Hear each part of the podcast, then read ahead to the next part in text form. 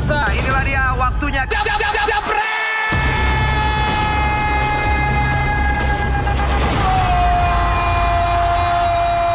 Yes, setelah kembali lagi di segmen selanjutnya bersama saya Panji dan juga ada Binder yang pastinya kemarin juga udah hadir dan pasti ada tamu baru tadi kita sudah sebut Bung Badres itu ini dia Bung Badres ini mungkin banyak yang belum tahu kalau selain penggemar Juventus dan juga mungkin eh, Persis Solo Bung Badres ini sebenarnya sekarang sibukannya apa sih?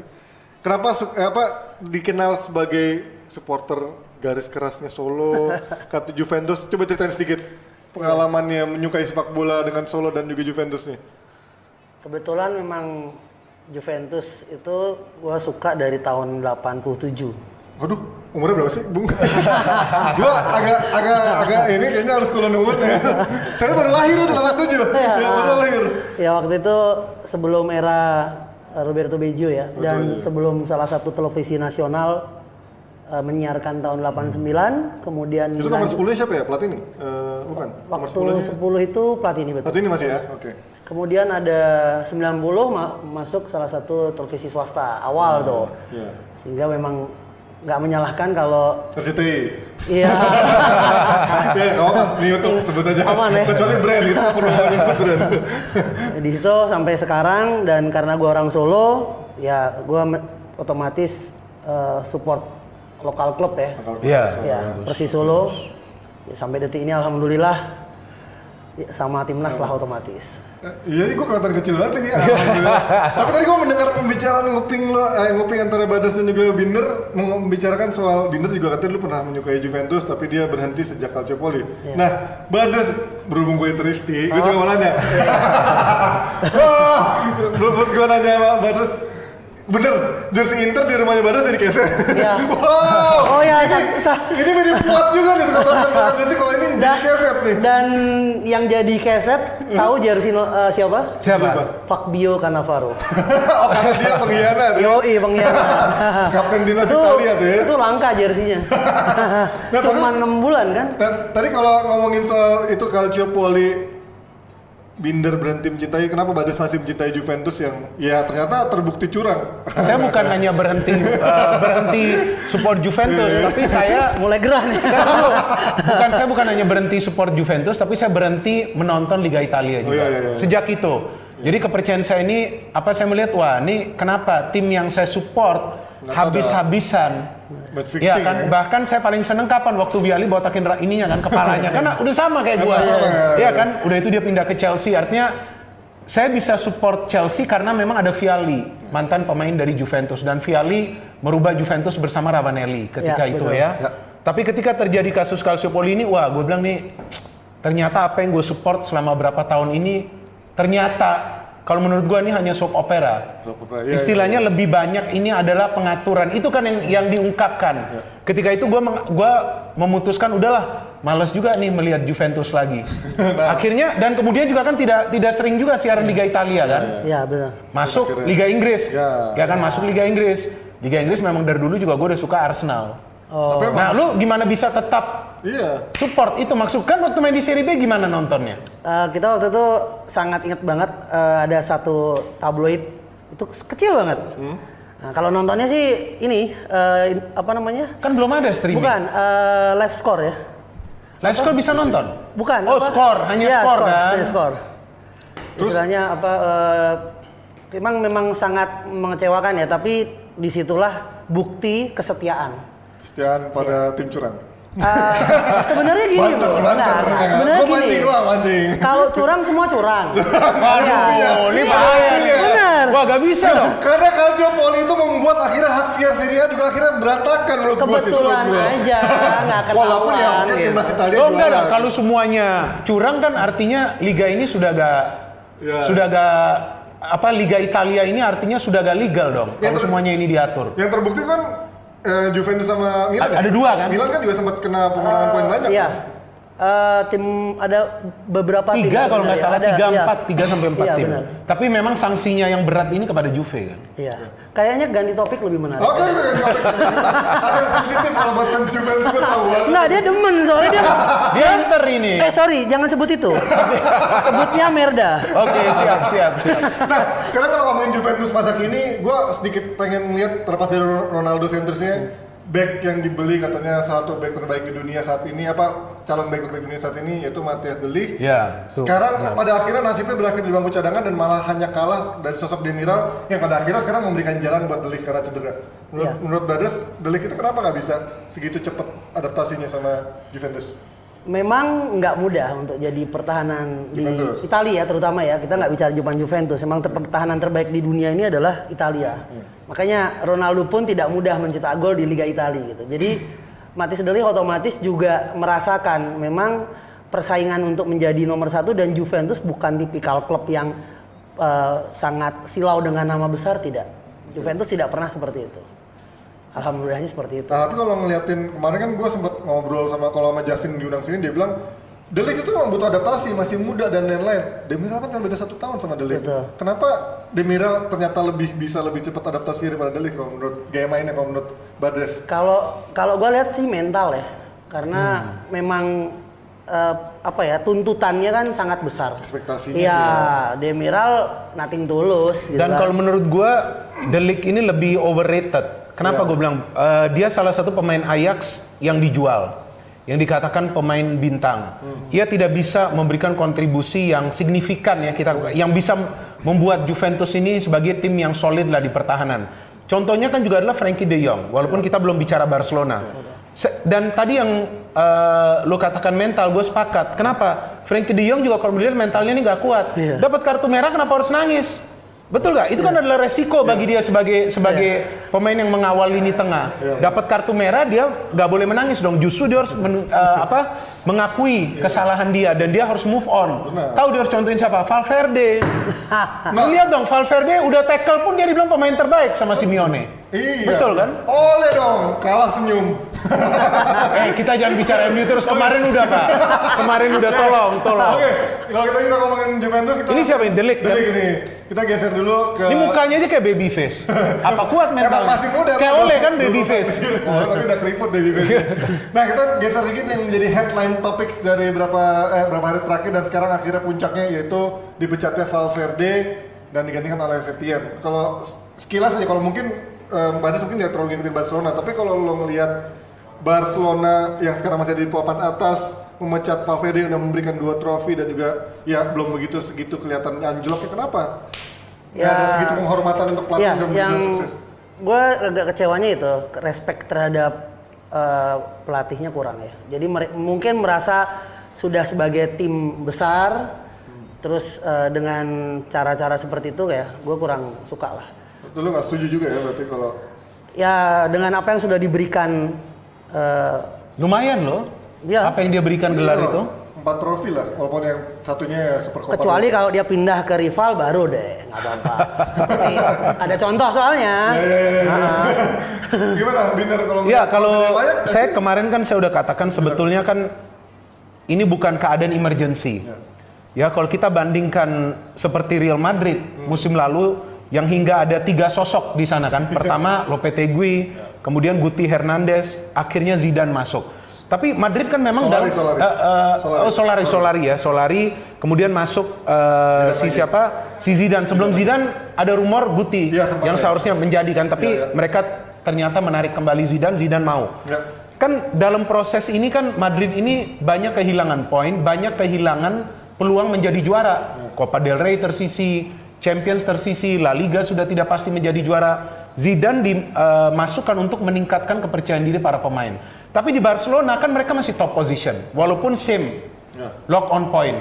Dan menurut saya nih seharusnya jika Valverde ini mau digeser mau digantikan atau dipecat nih harusnya di awal musim. Kenapa? Karena dia dua musim berturut-turut dikalahkan oleh tim di leg kedua Liga Champions. Ya, yang diinginkan oleh fans Barcelona sekarang kan Liga Champions. Betul. Setelah dua musim berturut-turut dia juara di La Liga. Saya melihat ini justru pemecatan dari Valverde ini adalah kembali ke masalah gengsi.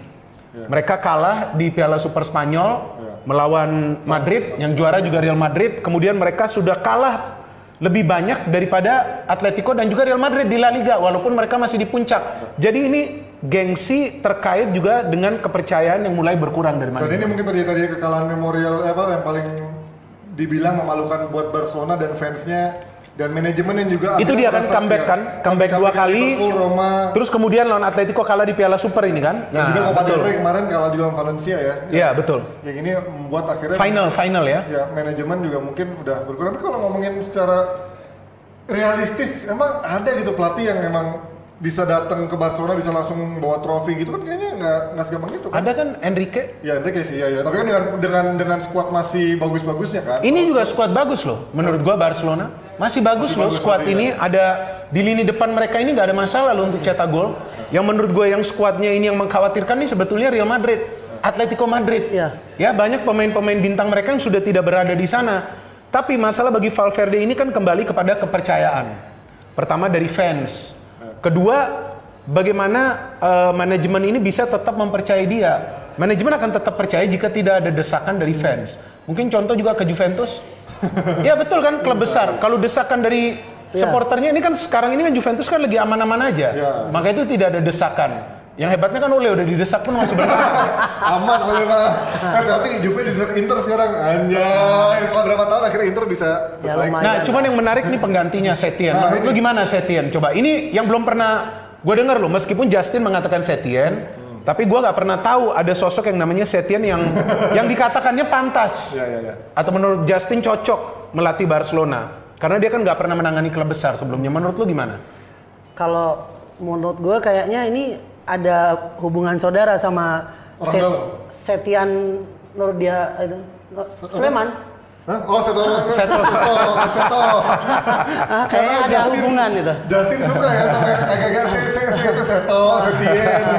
Gua gua nggak nggak tahu soalnya di pelatihnya nggak nggak nggak pernah tahu. Ya kalau gua sih ngelihatnya dari sisi apa ya, Setien ini sebagai mas apa memasuki masa probation terlepas dia dikasih dua setengah tahun ya karena kalau gua baca-baca sebenarnya kan dia ngincernya Kuman tapi ditolak karena Kuman masih fokus sama timnas Belanda. Xavi. Xavi juga nolak karena dia nggak mau di mid season gini dia masih mau fokus di empat timnya dan mau kalaupun melatih Barcelona dia mau per- persiapan full. Sementara Setien ini memang lagi nganggur karena dipecat sama Real Betis di Dia musim dipecat atau mengundurkan? di dianggap Mengundurkan kayaknya Enggak, dia. tapi dianggap ya, kayak mu- mutual termination. Iya, mutual tapi, termination. Tapi karena dianggap dia nggak bisa progres daripada musim sebelumnya kan yang masuk Europa League dan akhirnya Setien ini dicoba untuk melihat apakah memang filosofi gaya bermainnya bisa cocok sama Barcelona yang kalau kata Justin emang gaya mainnya Barcelona banget, cara mainnya emang attacking football banget dan possession footballnya tinggi. Tapi satu hal yang kita harus ingat ya bahwa dia kan belum pernah melatih Nah, klub itu. besar. Bukan berarti taktiknya ini tidak akan berjalan. Taktik bisa saja berjalan jika memang ia menerapkan taktik yang similar Ya. dengan Barcelona. Tapi tekanan ini mampu diatasi nggak? Dan setiap klub besar menginginkan prestasi secara instan. Ya. Ya, Nggak kecuali kecuali Zidane karena Zidane kan sudah membuktikan Ya, ya. sebelumnya. Jadi manajemen uh, memberikan ia keleluasan yang penting lu benahi dulu. Tapi jika musim ini ia tidak bisa memberikan sebuah prestasi, sebuah gelar, mungkin musim depan pun ia akan berat. Karena tekanannya akan berat ketika berada di klub besar. Contohnya Pellegrini ketika melatih Real Madrid. Gue tidak melihat ada yang salah di Pellegrini.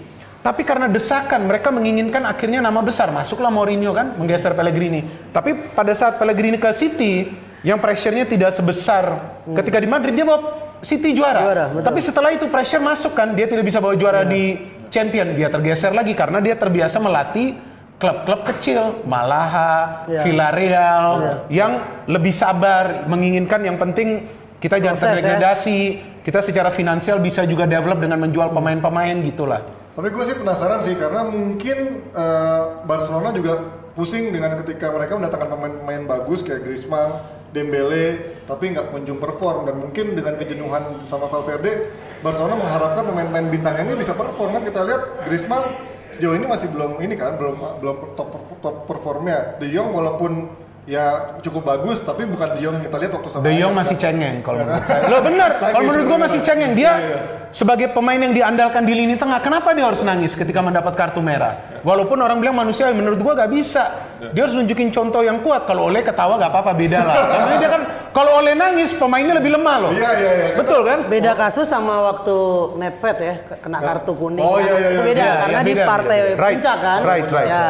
Nah, kalau ngomongin Setien ini eh, gimana ya? Kalau ngomongin dulu kan Van Van Hal dipecat sama Barcelona ketika memang lagi hancur-hancurnya. Valverde Iya, sekarang lagi hancur-hancurnya. ya, dipecat karena emang nggak nggak Gengsi lah, ini sama- masalah gengsi. Sama filosofinya. Nah, Iya. sekarang ketika filosofinya ini berjalan bagus, cuman nggak bisa menghasilkan trofi, menurut Binder berapa tahun sih bisa bersabar manajemen di era modern sekarang ini sepak bola? Enggak, manajemen harus bersabar sekarang dengan menunjukkan Setien. Enggak mungkin juga hanya enam bulan kemudian dia diganti atau hanya satu tahun. Dua tapi tahun minimal tapi ya. menurut gua siapa pun pelatih yang sekarang akan melatih Barcelona harus juga merancang sebuah persiapan bagi timnya yang tidak terlalu bergantung kepada Lionel Messi. Nah, itu sih yang. Betul. Itu kalau menurut gue ya, ini ke depannya loh, dia harus bikin karena kenapa?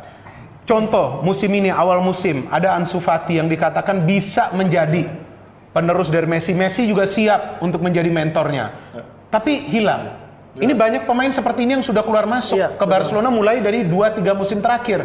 Ada siapa itu juga? Aduh ada banyak pemain lah, Munir lah siapa, Iya. Al Haudi atau siapa Iya, itu kan betul. banyak. Munir Al-Hadadi. Iya Al Hadadi, kemudian eh, siapa lagi? Ada banyak pemain yang keluar masuk tapi tidak bisa di-develop.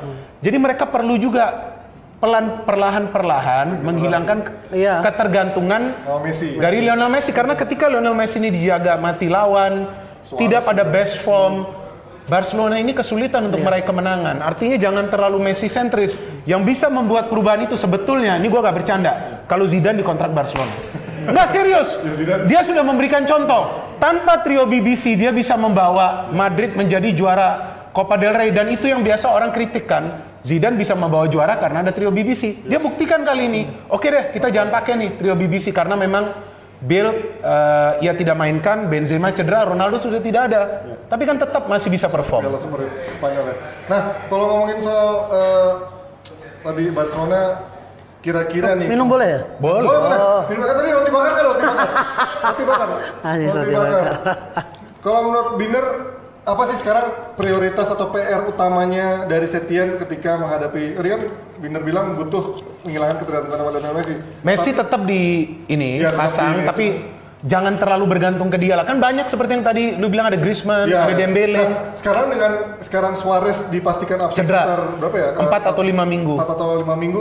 Dia bakal memaksimalkan main yang ada atau dia akan membeli main baru? Enggak pemain yang ada. Main yang ada. Griezmann Menurut kan menurut gue justru ini sekarang waktunya Griezmann main sebagai striker penyerang, penyerang Iya. eh, murni. Dembele bagaimana ia bisa develop? Karena kan di Betis itu dia develop banyak pemain ex Barca tuh. Ya, Kalau nggak si salah yang pindah ke sana tuh. Batra termasuk Svirpo yang ada di Nah kan itu dia, dia kan bisa develop. Artinya di sini juga seharusnya dengan pemain yang skillnya lebih tinggi, dia bisa beradaptasi. Tapi kembali lagi kepada bos kecil kan, bos kecil ini bisa nggak nih? Iya. Lo betul dong, karena beberapa hari sebelumnya Messi ini memberikan dukungan loh Iya, kepada. Valverde yang Iya, gue iya. baca Setahu gue juga dia di emang media. Bahkan Iniesta pun tidak suka dengan manajemen Barcelona yang Ugly, yang kan yang ugly. sebetulnya sudah lebih awal menyiapkan beberapa kandidat menggantikan Valverde. Tapi ya itulah dunia sepak bola sekarang kan. Ah, kita udah tersambung sama yang ini Penelpon kita. agennya Setien. Halo. Halo, coach. Halo passwordnya bukan ya? Halo, dengan siapa di mana? Eh, coach, apa kabar coach? Halo. Hoi, coach. Ya, ya. Ya, sekarang ini masih ada pro kontra kan, termasuk Iniesta bilang eh, ini manajemen Barca memecat Valverde ini kayak sebuah ugly decision. Menurut lo, ya lo kan emang penggemar Setien kan? Ya, gue bukan penggemar, tapi gue sudah mengikuti dia lama. Iya, iya. Itu orang yang tidak pernah mengikuti dia tidak tahu dia ragu karena nggak punya nama. Seperti kayak dulu zaman Porto juara FC, bukan mereka nggak bagus karena mereka nggak punya nama. Dibilang nggak bagus, ya kan netizen tolol. Iya. Nah, tapi kan ini kalau Sama Setien juga gitu. Ya. Kenapa? Nah, ini kan Setien, ya kalau tadi lu bilang nggak punya nama, tapi dia emang punya filosofi yang menurut lu cocok dengan Barcelona. Tapi kan sekarang eh, ini butuh adaptasi, butuh aplikasinya dari cara mainnya butuh waktu. Menurut lu berapa lama sih manajemen? enggak, enggak butuh waktu, enggak butuh waktu lama. Kalau Arteta bisa menerapkan dalam satu dua minggu, Setien pun juga bisa. Karena kualitas pemain Barca lebih bagus daripada Arsenal Ya. dan rata r- mayoritas pemain Barca sudah biasa bermain dengan gaya tiki taka dan ini akan menjadi tiki taka kedua jadi kalau kalau dan dan di Instagram sama di Twitter gue itu ratusan ribu orang bertanya Setien siapa? Yakin nggak? Bla bla. Seperti per- seperti pertanyaan lo Ya ya. gue gue bingung. Kalau lu ngikutin gue di Twitter udah dari tahun lalu gue bilang Setien Setien Setien dan ternyata manajemen Barca sekarang agak waras. Makanya dengerin gue Enggak, tapi kan Setien ini kan pilihan alternatif ketika Kuman menolak dan juga Safi juga kemarin menolak kan. Artinya ini seperti uji coba dia enam bulan cocok apa enggak nggak sih menurut lo? enggak enggak kalau seandainya Setien ini masih pelatih muda kayak Safi uji coba oke belum terbukti ini pelatih kan udah ngelatih klub lain Iya klub tapi Betis. mediocre kan dan, pelatih dan ju- justru dengan klub mediocre bisa bermain bagus gimana dengan pemain dengan klub besar dengan pemain bagus harusnya lebih berjalan dong Harusnya, karena pemain ya. iya karena pemain sudah bisa menjalankan apa yang diinginkan ini persis orang-orang yang tidak percaya dengan Arteta juga di awal Ya. Oke, nah menurut lo dia butuh waktu berapa lama? Kalau misalkan taruhlah taruhlah dua musim nggak dapat gelar, menurut lo dia perlu diberi kesempatan lebih? nggak mungkin Nggak mungkin. mungkin Berarti panjang waktunya mungkin harusnya. dua musim nggak dapat gelar Oh, berarti lo yakin dia dalam waktu dekat ah, satu, minimal Yakin. satu musim dua musim akan dapat gelar ya? dua minggu udah kelihatan Ya kalau sekarang kan La Liga dia masih peringkat pertama kan, masih ada terusan dari Valverde kan. Iya. Enggak. Lu jangan lihat peringkat pertama atau tidak. Di bawah Valverde kan deg-degan. Menangnya, serinya dan dan ini karena yang lain juga naik turun. Kalau lu lihat hasilnya, hasil Barca sekarang kan jelek. Iya, ya. Dari poin kan jelek, walaupun berada di ranking satu karena Ma- Madrid juga cupu aja, ya kan? Hmm. Nah, situ nggak ngelihat. Yang kita lihat kan Madrid cupu minder di katanya. ranking berapa? Kalau Bukan berada ketahuan di kok ra- juara. ranking berapa, Ta- tapi tapi cara bermainnya, konsistennya, peluangnya, dominasinya, attractiveness-nya, di situ kita harus menilai. Kalau seandainya lebih bagus tiba-tiba Madrid juga meroket dan kita di, di bawah Madrid, that's okay. Karena tidak seperti Binder selalu bilang, nggak pernah tidak ada klub 10 kali main bagus kalah terus. Ngerti nggak? Iya, ya. Kalau udah main bagus, otomatis peluang untuk juara lebih ba- lebih besar. Hmm, Lebih besar, betul, betul, true. Dan betul yang Justin bilang Gitu. bahwa Valverde memang deg-degan seperti lawan Dortmund tuh harusnya kan Barca kalah itu di Champions League. Nah, tapi kalau menurut lo sendiri eh, apa sih sekarang yang yang bakal berubah total dari dari cara permainannya Barcelona? Apakah cuma dari permainan, apa dari komposisi atau dari formasi juga berubah? Oke. Akhirnya lu melontarkan pertanyaan yang smart. Iya makanya. Jadi, jadi, Enggak, tadi memang benar pertanyaan lu yang udah ada di media semua tadi itu. iya. Jadi sekarang kalau lihat Barcelona itu terlalu Messi sentris. ya. Di bawah tidak Messi sentris walaupun Messi punya kontribusi besar. Dua hal yang berbeda. Oke. Ya. Nah, gua harap kembali ke era itu tidak Messi sentris tapi tetap Messi punya peran yang besar. Itu yang gua harapkan. Nah, tapi dengan sekarang kan kemarin di bawah Valverde eh, ya Messi sentris lah. Dengan adanya Setien menurut lu Griezmann itu bisa akhirnya bisa top tier nggak sih coach? Dengan apalagi sekarang bisa. Suarez cedera kan sekarang. Bet- Ujung tombaknya menurut lu Iya. bakal Messi apa Griezmann? Griezmann. Griezmann. Messi atau Messi juga bisa, ta- tapi kalau Messi di atas kertas, di atas kertas menggantikan Suarez, pasti dia turun ke bawah. Ngerti nggak? Ya. Jadi permainan ini distribusi bola, distribusi bola tidak boleh hanya dari Messi. That's the whole point. Zaman Pep kan ada eh, ada Xavi Iniesta, Ya. ya kan? Hmm. Nah, sekarang harusnya bisa dengan Messi dan De Jong Ya. Mensuplai Suarez dan Griezmann. Ngerti nggak? Tapi tetap bermain dengan satu DM Ya. Nah, gitu. Kan kan juga pendukung Barcelona pastinya juga udah lama lah menantikan eh, jebolan La Masia atau jebolan dari akademinya yang bisa konsisten main di tim utama. Menurut di bawah Setien model kayak Ansu Fati atau siapa yang si Puig itu atau pemain-pemain muda lainnya bisa nggak sih dari akademi bermain lebih reguler di timnya sekarang? now let me put it this way. Gue kan bukan paranormal. Ya, tapi peluang peluang untuk pemain La Masia bisa bermain di tim utama jauh lebih besar di bawah Setien daripada di bawah Valverde. Gitu aja. Oke. Nah, coach ini ada pertanyaan singkat dari dari netizen. MU vs Liverpool akhir musim akhir weekend ini menurut lo Prediksi. dibantai apa gimana? Main di mana itu? Enggak, kalau kalau kalau dibantai sih enggak ya. Ini akan jadi sportivis dan kita tahu MU selalu ber, be- pe- performanya bagus lawan Big Six. Oke? Kecuali lawan Arsenal sama City. Eh, ya, ya, ya. Dia dia dia main di kandang ya. Main di kanan. Main di Liverpool kan? Main di Liverpool. Liverpool. Oh, main, Kan kemarin yang satu-satu di MU kan. Oh ya oke, kalau main di Liverpool selesai. Kan kalahkan Bang kampret ngomongnya. Oke guys, thank you coach. Thank you coach. Pulang Selamat liburan lagi. Kita tunggu kedatangannya di DP ya, Sun. Itu dia Justin ya.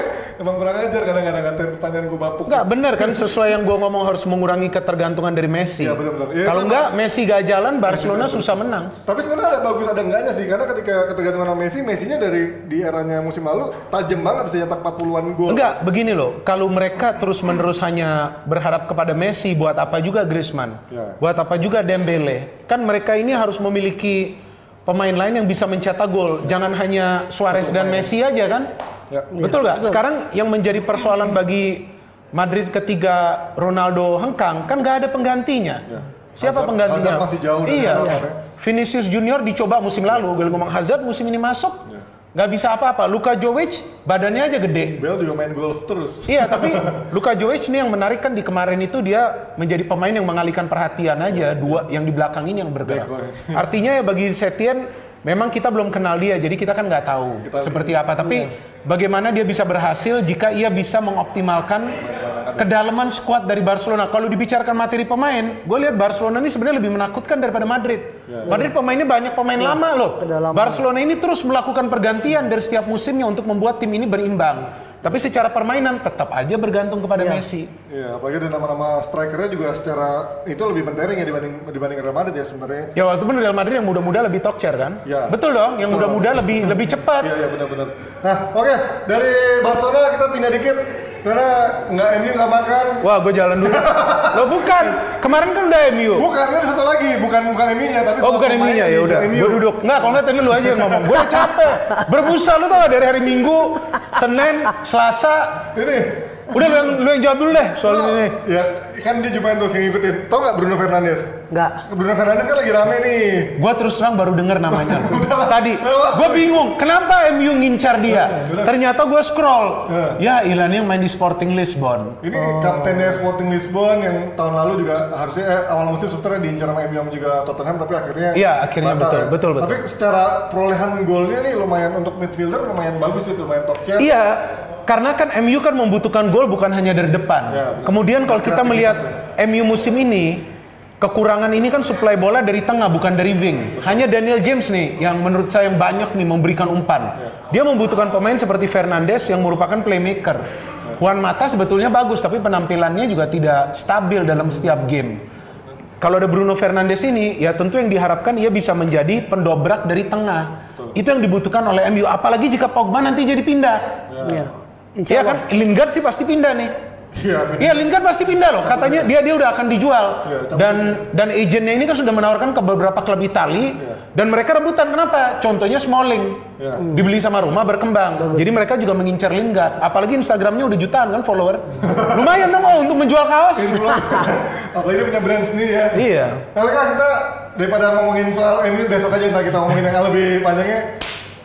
Nah, nih, gue Badas, gue dengar tadi punya cerita tentang kemarin waktu di November ya, November ya kejadian Oh. soal di Malaysia pasca Oh, dia di sana ya? ya kualifikasi Piala Dunia kemarin yang berujung dengan penyerangan supporter Malaysia ke bahkan sempat ke hotel juga ya. Itu- Betul. Itu, benar nggak sih? Betul. Itu gimana Kamu di sana di Iya. kejadian? Habis nonton, itu emang nginepnya di hotel yang sama? Iya. Oh, di hotel apa? The Majestic Oh, The Majestic. Oh. di Pudu. Itu- Jadi memang kejadiannya itu sebenarnya gue berharap kemarin yang lebih di Ini ya. up. Ya, Ini video dari mana nih? dari temen. Oh, dari teman. Ini gue upload di Instagram gue juga. Oh, di Instagram Badas ya. Ah. Jadi ini di depan hotel. Ketika itu selesai pertandingan, kita stay stay di depan sambil teman-teman pada nunggu uh, online untuk mereka kembali ke bandara ada. Tiba-tiba Malam itu mereka lewat, ya mereka lewat, mereka lewat provo-provo. Kemudian dikejar sama anak-anak, memang luar biasa.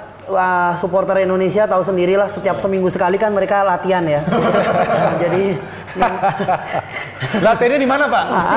Ada tempat. Liga 1, Liga 2, Liga 3 ya, setiap seminggu sekali kan. Bener juga itu. Jadi- seminggu tiga kali kan. Jadi mentalnya luar biasa dan mereka datang ke hotel. Enggak, yang mereka datang ke hotel siapa supporter Malaysia? Ya mereka lewat Provo, anak-anak di depan. Nah, itu. Ini ya, ini di hotel ini. Ya ini itu pemilik hotel. Ah itu salah satu orang yang kita tangkap yang Tangkap? pakai topi ya. Dia dia ini apa eh, semacam apa ya kayak mata-mata lah. Mer- Sama kayak orang Indonesia. Dia ngakunya orang Sabah. Oh. Iya. Terus ditangkap diapain diinterogasi? Diinterogasi. Eh, kebetulan gue sendiri yang ngamanin karena kalau enggak gue mikirnya gini udah mau dihabisin sama anak-anak. Cuman kan gue mikirnya anak-anak besok kan harus pulang ke Indonesia kan resiko kan kalau ada CCTV bahaya kan. Tapi itu waktu penyerangan itu maksudnya mereka datang rame-rame pakai pakai bawa bawa benda-benda tajam senjata gitu nggak sih supporternya? Mereka pakai helm. Oh pakai helm aja, Iya. tapi nggak bawa senjata, nggak bawa apa? Cuma nyerang Ah. pakai tangan aja. Ya kita nggak ada persiapan kan. Nggak, yang mereka maksudnya? Jadi kita tangan kosong, mereka pakai helm. Oh mereka pakai helm? Iya. Gebokinnya pakai helm, Iya. bukan mukanya terus pakai helm. Enggak, pakai helmnya. Ini ini apa ini Ya, maksudnya? Ini orang hotel. Ya itu yang eh, Owner. Dia manajernya. Oh manajer. Iya manajernya dia. Nah itu Ini anak-anak. kamu, ini you ya? Itu yang yang besar ya. Ya ya ya kelihatan. Ini pintu ya. enggak karena ini. Itu pintu pintunya lu hotelnya. tutup ini. Ya, Dijaga ini. ya karena kita amankan. Ada si orang itu mau dihajar sama anak-anak. Wow. Yang Tapi nggak boleh masuk ya itu. Ya kita, gue jujur memang sengaja nahan karena gue mikir itu besok itu mereka pulang. Kalau enggak selesai kan. Udah udah nggak kuat sih anak-anak sebenarnya. Tapi kalau dari jumlah waktu itu banyak yang mana? Dari yang Malaysia nyerang sama Kita di luar itu malam habis pertandingan paling dari 40 turun jadi sekitar 25 30, terus turun lagi jadi 20. Mereka 50-an ada. 50 ada. Dan mereka bawa senjata dalam konteks bawa helm.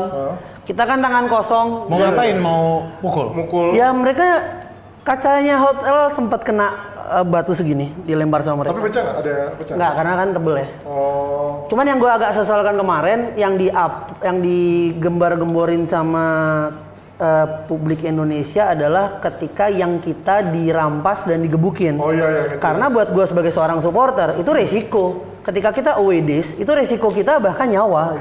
Jadi ketika yang dipukulin itu di up luar biasa, gue malah ya kalau resiko supporter memang harus seperti itu kan. Maksudnya mendingan yang di up yang ketika teman-teman di hotel mereka datang untuk menonton, mereka diserang gitu. Itu kan lebih ke kriminalnya lebih direncanakan kan.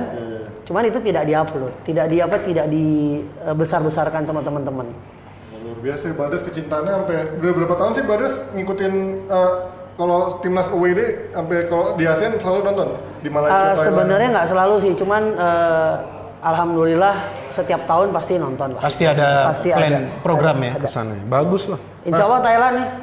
Kalau boleh di ada penonton kan masih lagi diurus sih. Oh iya. Bukan Thailand Yang abis kalau datang cuman sekali Eman ya kan abis itu kan lawan Emirat Arab itu di home kan?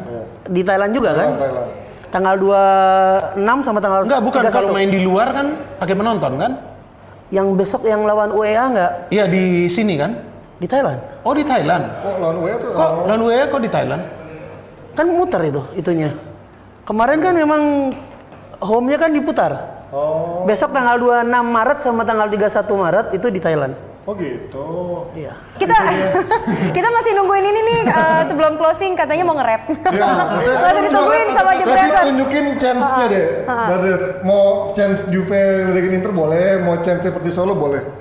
Iya. Boleh. Yang Terserah. menurut Badres lebih kece aja coba. Oke, kalau yang Sesuai yang konsep Enggak, tadi. Badres nih di Persis Solo apa? Koordinator di eh Pasopati. Oh Pak Sepati, Ya. sebagai apa? Sekjen apa ketuanya? Eh, enggak, gua terakhir di bendahara DPP Pasopati. Pasti duitnya banyak gitu ya.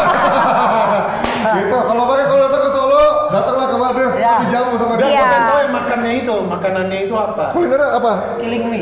Killing me apa tuh? Sama workaholic. Killing Apa me itu di level pedas. Gitu. Oh, Oke. Kalau workaholic sisa.